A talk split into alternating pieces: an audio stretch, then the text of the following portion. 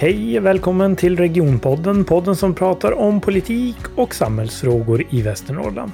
Jag som pratar heter Per Gybo och i podden kommer vi höra Robert Thunfors och David Forslund prata om besparingsförslaget som nu riktas mot Sundsvalls sjukhus och vad det finns för alternativa sätt att spara på som inte innebär att vården raseras fullständigt.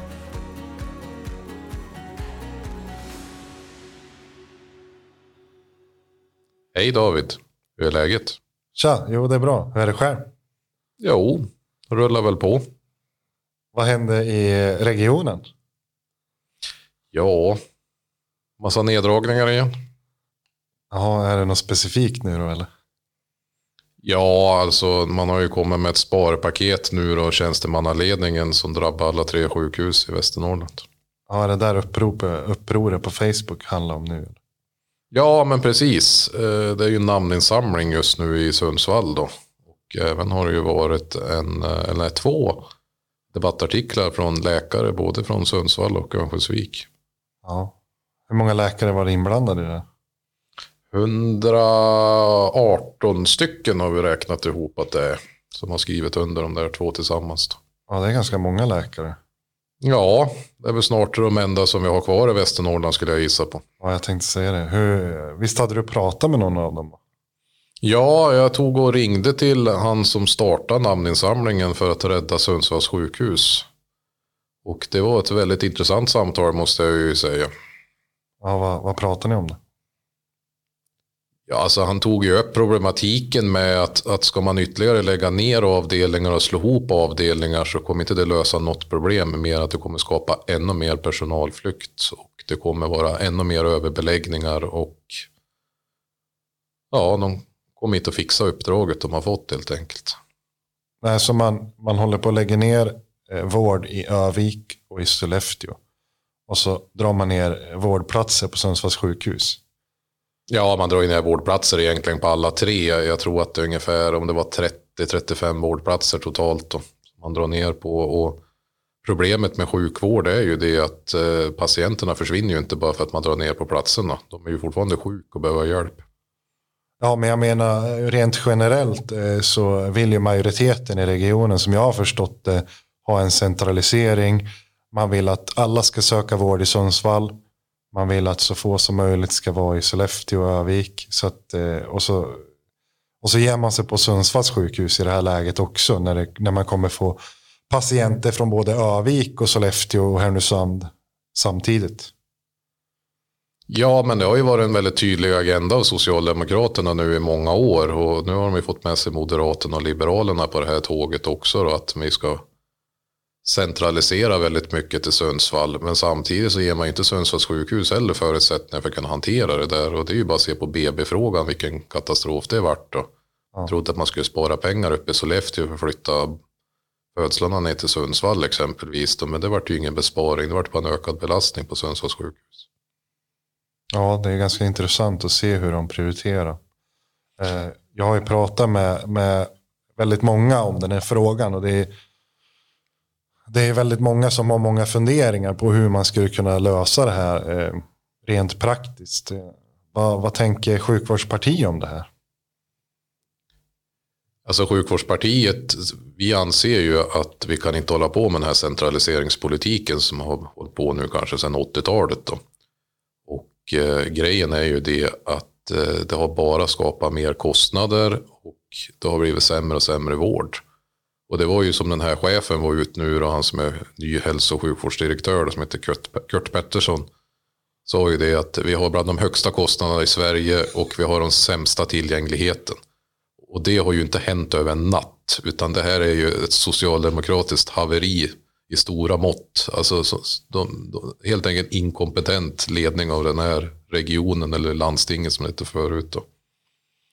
Men eh, Ja, alltså vi vill ju ha något som heter sammanhållna vårdområden. Så det betyder ju alltså att eh, vi tillsammans med kommunerna då skulle bedriva sjukvård ihop då, och även äldreomsorg och hemtjänst och primärvård och hela köret. Liksom. Och, och, det är ju för att ungefär 70 procent av alla sjukvårdskostnader berör ju äldre och multisjuka. Oftast är de både äldre och multisjuk. Och där finns det ju jättemycket pengar att, att hämta igen, att kunna jobba på ett helt annat sätt. Och det gör man ju i Norrtälje och de visar ju väldigt fina siffror nationellt. Ja, eh, jag tänkte på det också för att eh, en stor fråga, BB i Sollefteå, eh, berör ju väldigt många. Och den senaste personen jag pratade med, eh, som är chef inom, inom vård och omsorg, menar på att man kan inte behålla kompetensen i, eh, i BB i Sollefteå. Och det är därför som hon var för den här nedläggningen. Då. Eh, hur ser ni, ni på den saken i sjukvårdspartiet? Nej, men det är bara skitsnack. Därför att det har förekommit en jäkla massa rykten som har satt sig, speciellt nere i Sundsvallsområdet, som helt enkelt inte stämmer. Ett exempel var ju att man fick fara ner till Uppsala och träna Alltså barnmorskan skulle träna på liksom att ta emot barnen när de föds. Liksom. Och det där är ju bara en stor jäkla lögn. Har jag ju fått till mig av den personalen nu som påstods hade varit i Uppsala. Det stämde inte överhuvudtaget. Nej. Eh, så att det, det, finns alltså, det finns ingen empiri som stämmer överhuvudtaget på de här grejerna. Utan det, man, man tycker helt enkelt att det föds för lite barn helt enkelt. Och då tycker man att kostnaderna är för höga. Men man kan ju inte bara rent se på kostnaden heller. Man måste ju värdera in en massa andra saker i det här. Och exempelvis avstånd är ju inte ganska... Den är ju inte irrelevant när det är liksom, ja, vad kan det vara från Söråker där du och jag bor liksom upp till typ Jönsele? Ja, det är långt. Ja, det är väl 20 mil alla gånger ja, liksom då. Och jag tror som länet sträcker så kan det ju komma upp i 25 mil enkel också. Så att eh, det, vi har långa avstånd och vi har dåliga vägar. Liksom. Så det måste man ju också väga in. Och när man har 9 miljarder i budget och ska spara 15 miljoner så är det pisspengar i sammanhanget. Och speciellt när det har blivit exakt som det som vi sa i sjukvårdspartiet. Kostnaderna har blivit mycket, mycket dyrare nu än vad de var då kring just BB. Därför att, eh, jag vet inte, kom du ihåg förra sommaren? Vi kunde ta in stafettsjuksköterskor för 95 000 i månaden i Sundsvall alltså barnmorskor. Ja. Det löste ju inga problem. Nej, sen, sen har du barnmorskor som jobbar med annat uppe i Sollefteå. Då. De jobbar inte kvar som barnmorska, de jobbar som sjuksköterska någon annanstans. Liksom. Fullständigt idiotiskt. Jag kan ju dra ett konkret exempel från 2018 när min dotter föddes. Ja. Så var vi in i, på förlossningen i Sundsvall. Och så kommer vi in eh, tidigt på morgonen. Eh, hon som var barnmorska säger att tyvärr så eh, har jag aldrig jobbat här förut. Jag är en stafettbarnmorska. Så att ni får ha lite överseende att jag inte vet vart saker finns. Så det kommer ta mycket längre tid än vad det brukar göra normalt. Så det slutade med att eh, det enda min sambo ville var, var att ha eh, epidural. Alltså hon ville ha bedövning. Mm. Och hon fick föda utan bedövning på grund av att de hann inte. Oj. Så att det är ett konkret exempel på det här med stafettpersonalen och deras man, man tar in hyrpersonal som ska sköta eh, verksamheter. När det gäller besparingar David, när man har varit med ett tag och du har ju snart också varit med ett tag i politiken. Alltså vill man lägga ner någonting eller spara på någonting då finner man ju anledningar till att göra det. Ja. Det, det, det är ju inget svårt.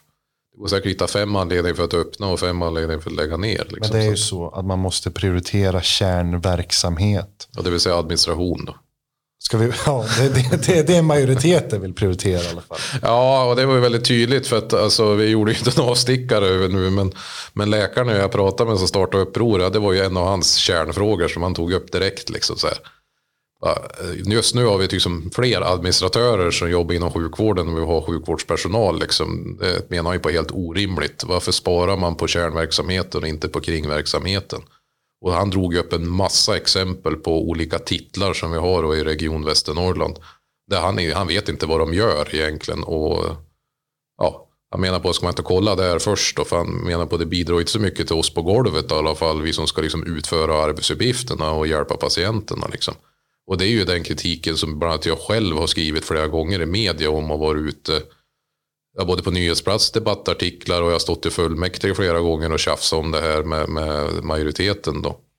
Men de tar inte till sig av det. De menar ju på att eh, vadå Robert, vill du sparka alla vaktmästare? Ja, fast det är ju inte vaktmästarna vi är ute efter. Och självklart så måste vi ha vaktmästare. Men alltså utredare, controllers, eh, verksamhetsutvecklare, vårdutvecklare, strateger, samordnare.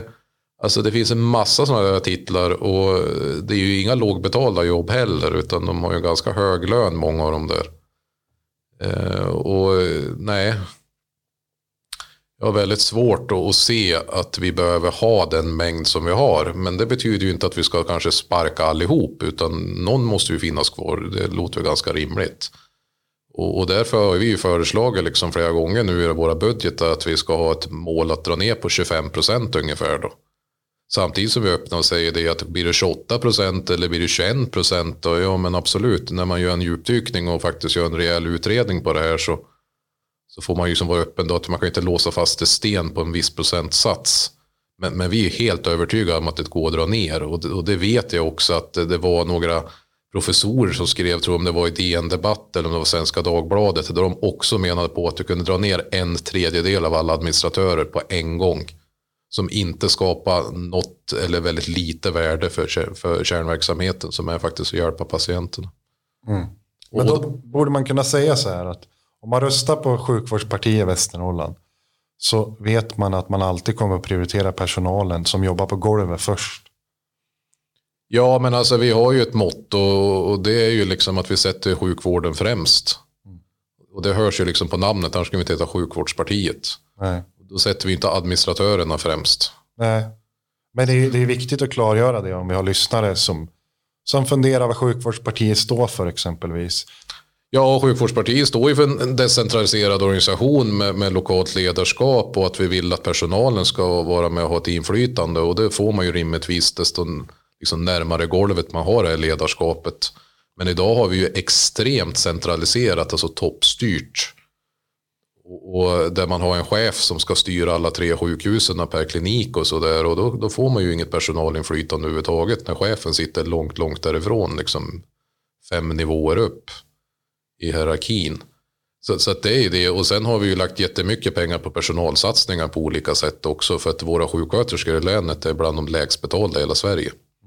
Och då ger ju det ännu mer motivation faktiskt också stafetter. Du har en urusel arbetsmiljö, du har dåliga förutsättningar och så har du en dålig lön i sammanhanget också. Liksom. Och då ska du ju komma ihåg att många har ju läst tre, fyra eller fem år på universitet också och specialiseras och sådär. Och syns ju knappt i plånboken. Liksom.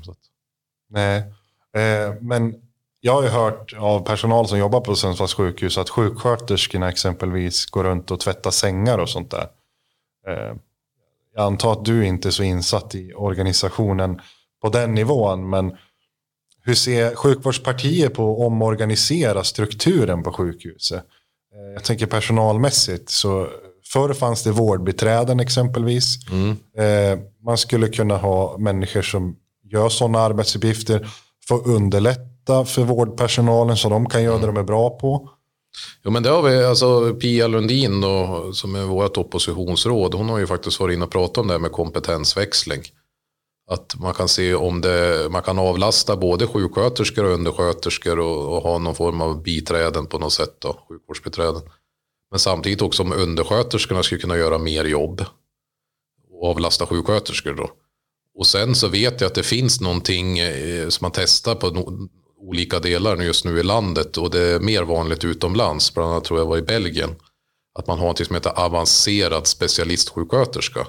Som i praktiken är, har samma så att säga, eh, delegation då, eller rättigheter som en underläkare. Då.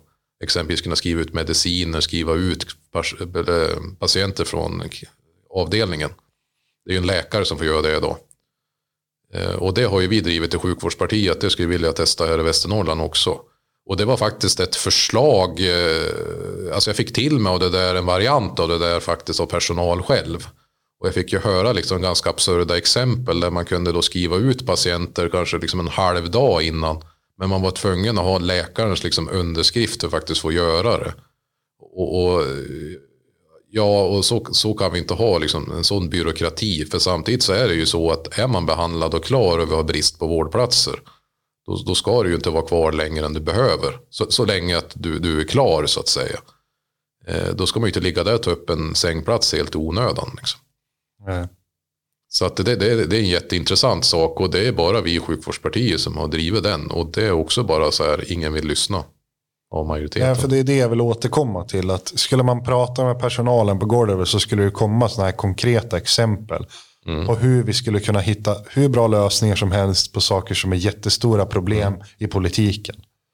För att de som jobbar på golvet vet hur det fungerar. Jag tror ju inte på den här organisationen som vi har just nu som är extremt toppstyrt. Därför att jag som medarbetare, sjuksköterska, läkare, hur ska jag kunna påverka då min vardag så att säga så jag faktiskt får, får någon form av förändring. När, när chefen sitter så långt, långt därifrån då. Och, och, jag tror ju att de lokala cheferna försöker göra så gott de kan såklart. Men har inte de någon mandat de heller att kunna fatta egna beslut så blir det ju jättesvårt. Och det var ju en av de här sakerna som eh, den här läkaren som startade upproret tog upp också. För han menar på att vi i personalen har inte fått vara med på de här sparpaketen överhuvudtaget. Alltså att komma med våra åsikter och synpunkter. Och samtidigt som han sa att eh, jag förstår att man måste spara pengar men, men det är jättesvårt att eh, komma med också förslag när vi har så brist som vi har idag på vårdplatser och skära ner ännu mer.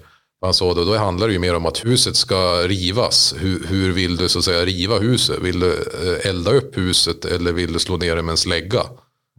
Så att det är ju det han menar på att eh, då ska vi komma med bäst idé på hur vi river huset. Liksom. Men, men just det här som har stått i media nu, det har inte personalen varit inblandad i.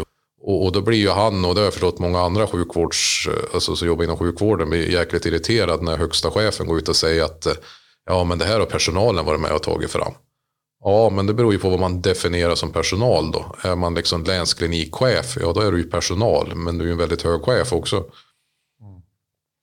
Och så, så vill inte vi ha det. För att det är de på golvet som har bäst koll och kan komma med de här idéerna. Och eh, jag förstår inte varför man inte vill anamma det och försöka nyttja det så gott man kan. Sen kan man ju, och du skulle få mycket bättre dialog också, kanske förståelse. För klart, allting kan man ju inte genomföra, även fast det är bra idéer kanske. Och kanske vissa idéer är inte så det är superbra heller. Då. Men, men, då kan man ju diskutera och förklara varför är det en dålig idé. Liksom. Varför funkar inte det här? Då får man ju förståelse åt andra håll också. Då, att okej, okay, det här var en bra idé från början men det visade sig att den inte är realistisk. Liksom. Ja, men då, då, kan, då släpper vi det. Då har vi fått liksom ett svar på den frågan att det här går inte att göra i verkligheten. Liksom. Men, men det finns ju inte idag typ alls.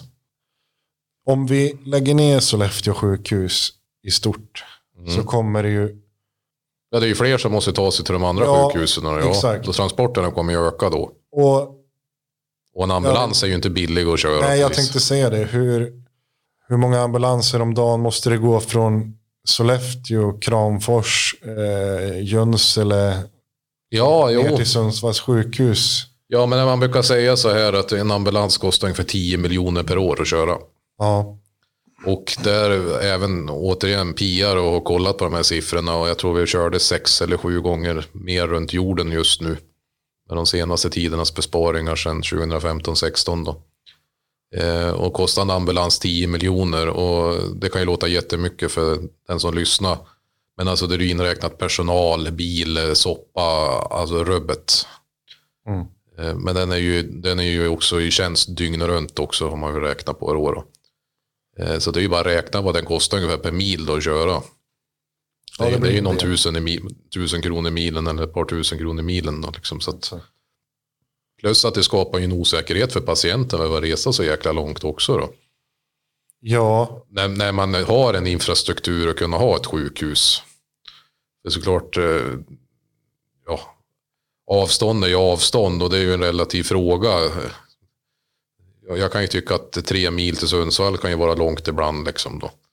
Men just i det här fallet när vi har tre sjukhus som är också för Sollefteå har haft väldigt god renommé. Liksom, för att eh, det har jag, jag, jag är ju inte sjukvårdsutbildad själv så man får ju ta till sig vad andra säger som jobbar inom professionen och sådär. Och, och, jag är ju för småskalighet och det, med den erfarenhet och kunskap jag har av andra saker så klart att en, ett mindre sjukhus har ett närmare samarbete med varandra och har ett, jag kan jobba på ett annat sätt än på ett jättestort sjukhus.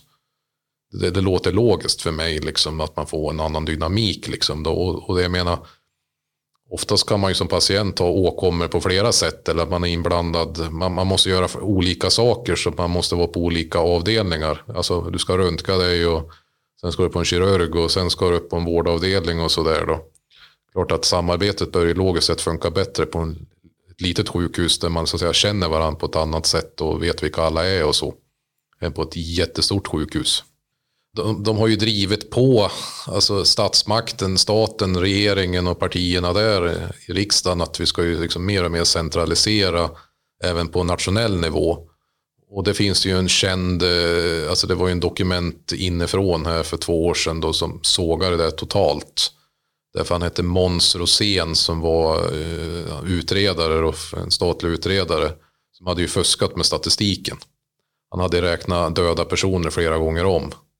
Och de hade dött av alla möjliga konstiga anledningar också som starkt ifrågasattes. Så att man kan typ inte dö av det. Och det är inte det som är dödsorsaken liksom. Så att den dokumentären var ju verkligen ett slag i ansiktet liksom på det här med att eh, centralisering är en lösningen. Och att man ska så att säga träna på, man ska ha större volymer liksom då. Och, och det fanns liksom inte så mycket sammanhang i det heller just på grund av att han hade fuskat med siffrorna. Så det var ju ganska tunga experter som sågade det totalt. Liksom, då, att det, det går inte. Och de var ju även och besökte olika mindre sjukhus. Och de köpte ju inte heller det. För de kollar på sina egna siffror och det, det stämmer liksom inte. Och jag tyckte det var väldigt, tror det var Västerviks sjukhus. För det, de var med väldigt mycket i dokumentären, några läkare där. Och de menar ju på att vara kirurg. Det, det är ju liksom att eh, vara mästare och gesäll. Liksom. Att det är ju ett, eh, kallar för ett hantverksyrke där man måste liksom få träna väldigt mycket alltså på olika saker och så där för att bli en duktig kirurg. Liksom. Man kan inte bara stå och göra samma, samma sak hela tiden. Liksom. För får man, blir det några komplikationer på något annat sätt eller man får in någon som är skadad allvarligt och sådär, alltså akut, så måste man ju ha en viss bredd också. Så man har sett sådana typer av åkommor innan då. Det kommer du inte att göra om du bara ska vara specialiserad på en enda typ av kirurgi. Bara operera höftleder eller bara operera öron. Liksom. Men, men, men, det var ju det de hävdade då att det var det bästa sättet att gå framåt. Då. Det är såklart att vissa saker av undersökningen kan ju vara extremt dyra som är väldigt ovanliga och då är det svårt att ha det på alla sjukhus. Medan de åkommor som är väldigt vanliga, typ bryta benen kanske, ja men det måste man väl kunna lösa så, lite, så nära som möjligt. Så att man måste ju liksom se det här som en form av pyramid. Då. De mest vanligaste sjukdomarna kanske ska till och med lösa på primärvård, alltså vårdcentralen. Liksom. Men, men så ser man det liksom inte heller. Jag tänkte fråga hur pengarna i regionen ser ut framöver. Är det lika dystra, är det lika dystra diagram över ekonomin här fram till 2023-2024 som i kommunen eller? Ja, alltså regionen har ju fått tillfälliga pengar från staten som gjorde att vi gjorde en jättebra vinst så att säga. Då. Men problemet med den där vinsten vi gör nu då på ett par hundra miljoner det är ju det att vi har ju inte, vi har inte kunnat ge vård. Så att vi har ju en jättestor vårdskuld som vi behöver hämta igen. Alltså folk som skulle behövt en operation som inte har fått den. Och det där är jättesvårt att se för att då ska vi alltså återgå till normalläge efter corona. Plus att vi ska hämta igen kön också. Så att istället för att producera 100 procent så kanske vi måste liksom upp till 130 procent eller 150 procent. Så det innebär att då måste vi ta in extra personal om det överhuvudtaget går att få tag på någon extra personal och operera mycket, mycket mer för att komma ikapp. Då, då kommer det bli dyrare såklart. Eh, så att det här är ju bara en tillfällig grej nu att regionen gjorde plus. Men annars är det ju så att eh, sjukvården i Västernorrland är ungefär 500 miljoner dyrare än vad rikssnittet är. 500 miljoner dyrare, alltså det, då, då bedriver vi en väldigt så att säga, ineffektiv vård då för pengarna vi lägger. Och det ser väldigt mörkt ut ska jag ju säga framöver, därför att vi har ju också en åldrande befolkning i länet. Yngre människor flyttar ifrån länet och äldre människor blir kvar. Och det är eh, som vi vet då att 70 procent av kostnaderna är äldre och multisjuka. Så, då, då blir det en ekvation som är svårare och svårare att få gå ihop. Då. Och då måste man finna andra sätt att jobba på och hur man bedriver det här. Och det absolut viktigaste då det är att få till en väldigt bra personalpolitik. Det ser jag som absolut A och O. Och det är väl det jag får till med när jag träffar vårdpersonal. Att det, det är ju den man stör sig mest på. Man känner sig inte uppskattad och man känner inte att man får en bra arbetsmiljö. Och man känner inte att man har en bra lön heller. Eller bra möjligheter att utvecklas liksom. Mm. Så det tror jag är en absolut avgörande fråga att försöka vända det här skeppet. Att regionen inte ska vara en usel arbetsgivare utan det ska vara en bra arbetsgivare. Eh, Får jag ta en sidogrej på tal om det? Nej, men det var några studenter här som eh, skulle göra praktik. Det är ju, ett, eh, det är en överenskommelse mellan Mittuniversitetet och Region Västernorrland. Då. Men det kunde ju inte regionen uppfylla. Kunde inte ge dem praktikplatser allihop. Och det var ju en grej i media då. Så att det slutade ju med att de fick ju liksom göra sin praktik då på, i Östersund bland annat. Men regionen vill liksom inte hjälpa dem finansiellt heller. Eh, och vad skickar det för signaler då? Tror du att de personerna vill jobba åt Region Västernorrland sen då? Nej. Ja, det tror ju inte jag. Nej. Därför att eh, liksom, vill vi jobba åt en sån arbetsgivare som inte håller det de lovar. Liksom. Jag, jag skulle vara väldigt tveksam i alla fall. Ja, absolut. Så det har du ytterligare ett exempel på det här. Liksom. Men jag har en fråga till då. Hur ser ni på hyrpersonal och hur kan man komma till eh, hur, hur kan man få bukt på det här problemet med de extrema kostnaderna för hyrpersonal? Alltså oavsett vad man gör så kommer det ju vara en långsiktig grej. Alltså det är ju en oljetanker som kör rätt upp på grund. Du ska ju inte bara dra bort ol oljetanken från grundet, Du ska ju försöka vända den också då på något sätt. Eh, så att det, alltså, stafettfrågan är ju, den är ju inte, den är ju inte unik för Västernorrland, fast vi ligger ju absolut sämst till. Och det här är ju liksom en, ja, jag vet inte ens varför man har hamnat där överhuvudtaget. Alltså jag har en eh, vän som bor nere i Spanien som har varit inblandad och jobbat inom sjukvård där. där. Där har man inte en stafettläkare. Det finns liksom inte. Det är ingen som har hört talas om det överhuvudtaget. Och det finns massvis med sjuksköterskor i Sverige också som inte jobbar med sjukvård. Jag vet på CSN jobbar det flera stycken, alltså där jag jobbar. Och, och de jobbar inte med sjukvård. Och de vill inte gå tillbaka och jobba med någon sjukvård heller. Och det är ju jäkligt synd, för de har ju också utbildat sig flera år då för att bli sjuksköterska och så väljer de att lämna yrket liksom. Och det är ju de man vill liksom på något sätt locka tillbaka. För att tanken var väl liksom att de ändå ville jobba med det här, annars de inte utbildat sig till det då. Men känner att de inte har rätt förutsättningar och en bra lön och schyssta arbetstider och liksom hela den biten då. Så att jag tror att, eh, att komma åt stafettproblematiken det är att jobba med väldigt många små saker, alltså många bäckar små. Eh, någon tycker så här, vi förbjuder det bara rätt upp och ner. För att jag har varit på avdelningar där mer än 50% av personalen är stafetter. Ja, men... Och det är sjukt i sig själv att det är så. Men om alla de skulle liksom få gå då ett visst datum, liksom, att tyvärr vi tar inte er kvar, så hur ska halva styrkan kunna hantera samma jobb som hela styrkan ska göra?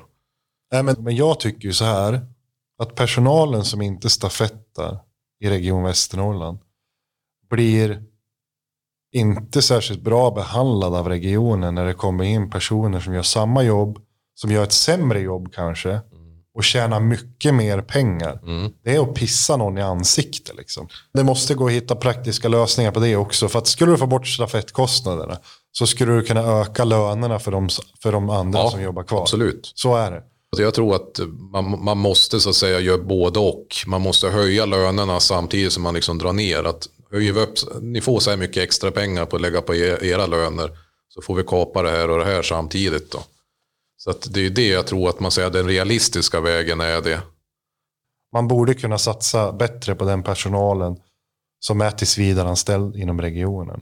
För, för jag, har varit, jag har upplevt det här många gånger när jag har, har varit inne på Sundsvalls sjukhus, exempelvis som förlossningen jag nämnde tidigare. Men det är inte bara det, alltså jag har ju varit väldigt utsatt för olyckor genom åren. Alltså. Alla möjliga konstiga saker har jag varit med om. Fått bokhyllor i huvudet från typ så här, tredje våningen. Jaha. Jag har fått ström genom hjärta i Hoting när jag höll på att kapa några jävla armaturer. Ja, jag har varit...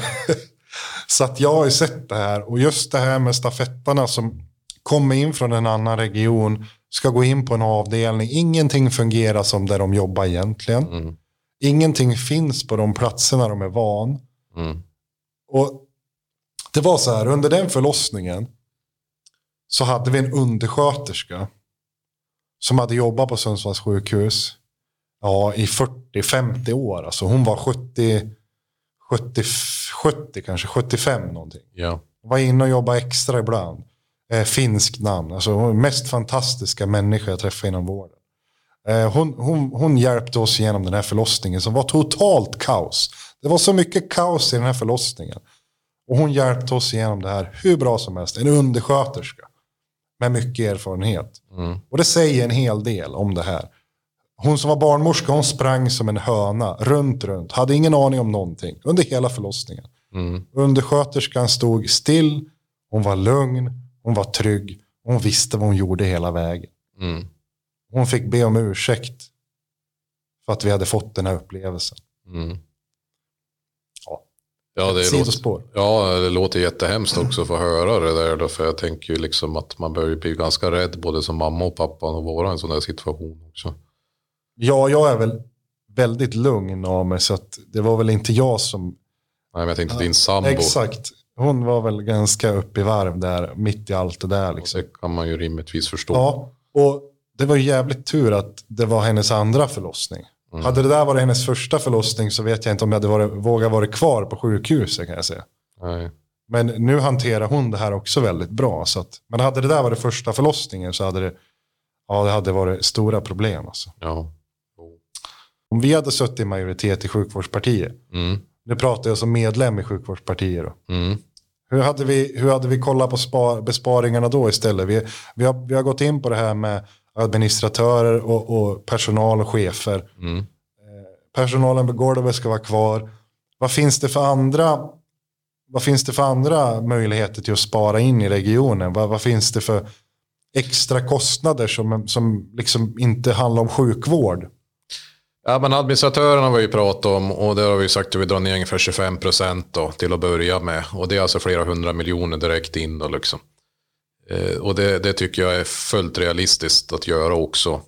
Och då är det inte vaktmästarna vi är ute efter heller vill jag ju återigen förtydliga. Men, men om vi försöker göra det till en jäkla löjlig debatt liksom.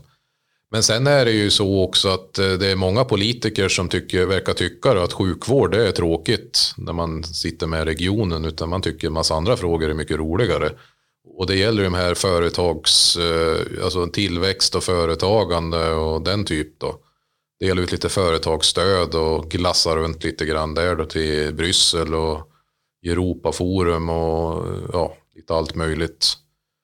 Och det är ju ett uppdrag som vi har fått från Länsstyrelsen att vi ska jobba med de här frågorna. Men, men det är tydligt att po- politiker tyck, verkar tycka att det är mycket roligare i alla fall än att vara ute på någon vårdavdelning. Men lägger majoriteten en egen budget för den typen av frågor då? Eller, eftersom det kommer från Länsstyrelsen? Vad, vad, Ja, alltså själva pengarna man betalar ut eh, i olika typer av stöd och bidrag, det är ju statliga pengar och EU-pengar. Så att, men, men däremot har vi ju en administration kring det här. Eh, och där är jag ju övertygad om att det finns pengar att spara. Däremot kan man ju inte lägga ner det för att vi måste ändå jobba med de frågorna. Men sen har vi ju kollektivtrafik, sämst i Sverige. Är ju den, den, då. den är tuff alltså. Ja, den är ju den, den är lika dålig som sjukvården är på att säga. Så kollektivtrafik har vi ju och sen har vi ju kultur eh, på olika sätt då. Och eh, vi håller ju på med lite andra typer av verksamheter eh, som, som ingår i det här då. Eh, där vi, men egentligen är vi inne på administration där också. Alltså vi har en massa människor som jobbar med saker som jag har väldigt svårt att se varför vi har så många av dem och faktiskt ska vi hålla på med det överhuvudtaget. Alltså den här kulturfrågan är ju, vi pratar kultur, dans, teater, musik, alla de bitarna. Den är ju också liksom så väldigt eh, polariserande måste jag säga. Ja. Eh, för att jag är inte emot kultur. Men däremot så kan man ju fundera på hur den ska finansieras då och vem som ska göra vad och sådär då. Och, det blir liksom ramaskri direkt. Och jag märker det att det är en väldigt liten andel människor som låter väldigt mycket gällande det här. Och, jag tycker det här är i högsta grad en klassfråga också att prata om kultur. Därför att eh, om jag ska vara jävligt taskig nu då, så är det ungefär så här vänsterpartister som jobbar som socionomer och eh, liksom moderatkvinnor som är liksom övre medelklass. Där, de verkar förenas att de vill gå på opera tillsammans ungefär. Därför att vi lägger ju jättestora pengar i form av subventionera biljetter på opera och teater och den bitarna. Medan om du går och ser på bio så är det ingen subventionering alls. Nej. Så länge det inte om det är en svensk film däremot, då är du med och betala. Och det tror jag väldigt få människor vet om att de behöver betala det på skattsedeln. För då är det både Svenska Filminstitutet som ger bidrag. Men, men sen kan det vara så som att är filmen inspelad då i, i Västernorrland. Då finns ju flera filmer som har gått på bio som är inspelade här. Då har ju de liksom på något sätt fått stöd också från regionen då för att spela in det här. Eh, och, och det, ja, det rinner ju iväg pengar på det helt enkelt. Och, och vissa tycker det är jättebra och, och, vissa tycker det är jättedåligt då. Alltså jag har ju en förkärlek för kultur, musik, allt. Och det spelar ingen roll hur, hur långt man drar det här så det är kulturen som kommer bli drabbad när man, när man har ett sånt val att nu är det antingen sjukvården eller kulturen. Ja, men våra politiska motståndare de tycker liksom att båda sakerna är en kärnverksamhet då, och det är orättvist och fult att sätta dem mot varandra. Det som är orättvist och fult det är att det här ansvaret ligger på kommuner och regioner. Det är orättvist. Det här ska vara statligt. Vi ska inte ha någonting med det här att göra. Med, med kulturen. För, för det är hela tiden så att man ställer kulturen mot kommunens och regionens mm. kärnverksamheter. Kulturen ska lyftas ifrån det här. Vi har SVT, vi har mediestöd, vi har pressstöd som ligger på statligt. Mm. Och sen i kommunen så har vi kulturskolan. I regionen så har vi kulturstöd på alla möjliga sätt. Och det ska hela tiden liksom vara någon slags dragkamp mellan de här. Och det, det är fel alltså. Jag tycker att det här ska ligga under staten. Inte på regioner och kommuner. Nej, därför att man hamnar direkt i de här typen av diskussioner som, som, jag tycker är väldigt vettigt. För det är ungefär så jag också själv har landat. Sen kan man eh, som återigen, man kan ha en generell syn också på vad är det staten eller snarare skattebetalarna ska betala för och vad ska man privat betala för gällande kultur. Men det är en annan fråga. Ja, absolut. absolut. Men, men jag vill bara säga att för sjukvårdspartiets del så har vi ju ändå föreslagit neddragningar då inom hela den här sektorn. Alltså inte bara kultur utan även allt annat som vi håller på med då inom regionen. Och eh, där har vi varit väldigt ärliga och sagt det att vi, vi måste minska ambitionsnivån och vi måste också kanske sluta göra vissa saker. Och vi har också sagt det att vi måste försöka få mera saker drivas på ideell basis på något sätt. Då. Där, där grunden är ideellt och sen kan man få ett bidrag dit då. Än att man liksom har anställd personal som gör vissa saker och så. Att man tar hjälp av föreningslivet och den ideella sektorn liksom på ett annat sätt. Eh, men, men alltså, vi har föreslagit, jag tror var 40 eller 50 miljoner i besparing. Då.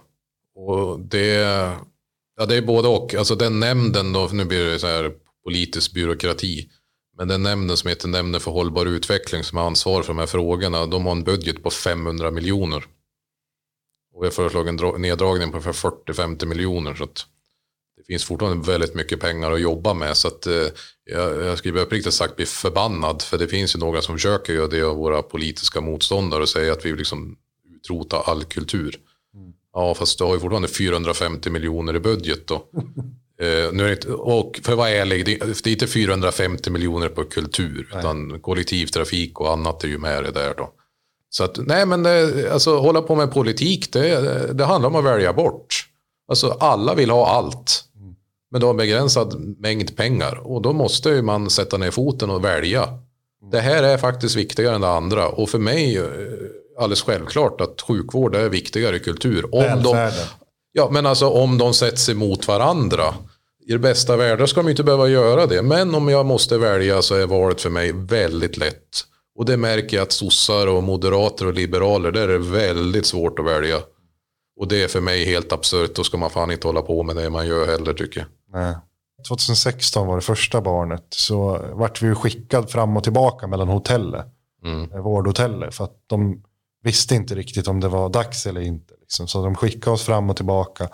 Och så sa de, ja men om vattnet går så kan ni komma tillbaka. Och så kom vi tillbaka och sa de, nej men det är inte dags än. Mm. Gå och lägg er och sov liksom. Ja, det var ett, och det alltså. Man blir ju inte särskilt trygg att de vet vad de gör. När det inte finns en fast plats. När man blir runt omkring skickad hela tiden. Det är ju mm. inte personalens fel att det inte finns en plats för, för oss att vara på. Inne på avdelningen. Nej, men det är ju för att det är brist på plats. Exakt. Men det är ju, det är ju inte okej i, i ett sånt tillfälle. Nej, nej men absolut inte. Men, men, men alltså det, det, det, är ju det här som är det jävliga, att det här är ju ett normaltillstånd. Det, det, folk liksom, de är upprörda men de är inte vansinne längre. Liksom. Man var väl vansinnig, men alltså man har liksom på något sätt accepterat det, vad man tycker är absurt. Mm. Det är så det har blivit. Ja, men så har det blivit. Och, och, det var ju det den här läkaren sa till mig också. Att det här har blivit norm... Alltså det här var ju katastrof redan när det skedde för flera år sedan. Att vi har överbeläggningar, folk ligger i korridorerna.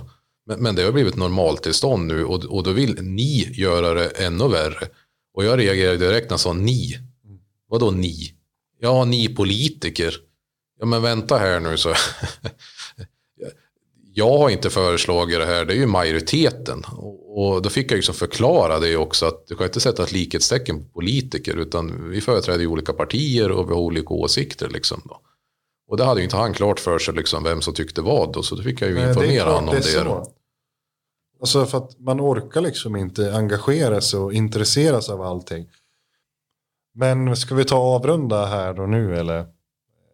Finns det något ämne du skulle vilja gå in på mer? Vi har ju pratat ganska mycket nu om. Ja, nej, men jag tänkte bara sammanfatta det att eh, det här är ju nu ett sparpaket som kommer och det ska hanteras politiskt nu i slutet på mars. Och sen ska det bli beslut i april som det ser ut. Så då får vi ju se vad majoriteten, sossar, moderater och liberaler kommer att hitta på då. Mm. Men vi har, vi har bara en, en, anekdot också. Jag vet inte om du har hängt med vad som har hänt i Region Stockholm. Nej. Eh, det är ju borgare som styr Region Stockholm. Med Miljöpartiet. Ja. De gick 6 miljarder plus. Mm. Och de har satt in flera sparkrav. Mm de har gått ner till personalen och eh, tyckt att de ska brainstorma vad man ska göra för att göra besparingar. Mm. Personalen på förlossningen tyckte att ja, men det vi kan göra då det är att vi tar bort paprikan från mackan som man får efter förlossningen. Man får ju så här fika liksom. Mm. Efter man har, eller efter, efter kvinnan har förlöst barnet får man fika. Och då får man en ostmacka med en paprika eller en gurkskiva på. Och då tyckte personalen på förlossningen att man kunde, man kunde spara på att dra in paprikan. Då förstår du liksom vart, vart jag är på väg i det här. Liksom. Det är ganska orealistiskt att man skulle kunna spara mycket pengar på en paprikaskiva. Ja, enda kan jag säga, om jag ska vara positivist i det här då, det var att minst att de fick vara med och komma med en synpunkt om man skulle ja. spara pengar på det. Jo men så är det Men de tyckte att det här var så löjligt så att de nämnde paprika. Ja, det ja, fanns ju säkert andra saker som jo. de såg. Men de, de, de vart så jo. jävla förbannade. Ja men det förstår jag. Men, men David, det, det är samma sak där som i Västernorrland. De har fått jättemycket från staten tillfälligt. Ja såklart. Och sen har de underliggande problem att de har eh, sjukvården kostar för kostar för mycket pengar då. Ja, det är klart när man bygger nya Karolinska. För ja, ja, precis. Alltså, ska vi diskutera Region Stockholm kan vi göra ett eget avsnitt om det. så att, eh, ja. Jag håller på att läsa den här boken om nya Karolinska som är väldigt intressant. Hur mycket pengar som har rullat ut där.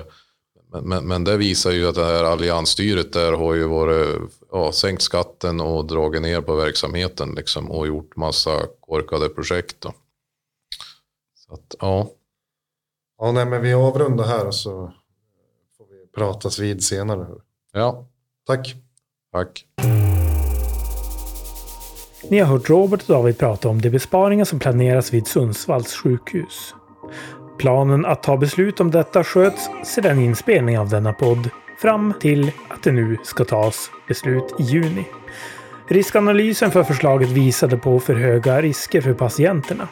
Så nu har Sundsvalls sjukhus fått i uppdrag att återkomma med ett nytt förslag på andra vårdplatser att stänga än det som fanns med i ursprungsförslaget. Besparingssumman är densamma. Frågan det ställer är väl egentligen också oförändrad. Hur vill ni rasera vården vid Sundsvalls sjukhus?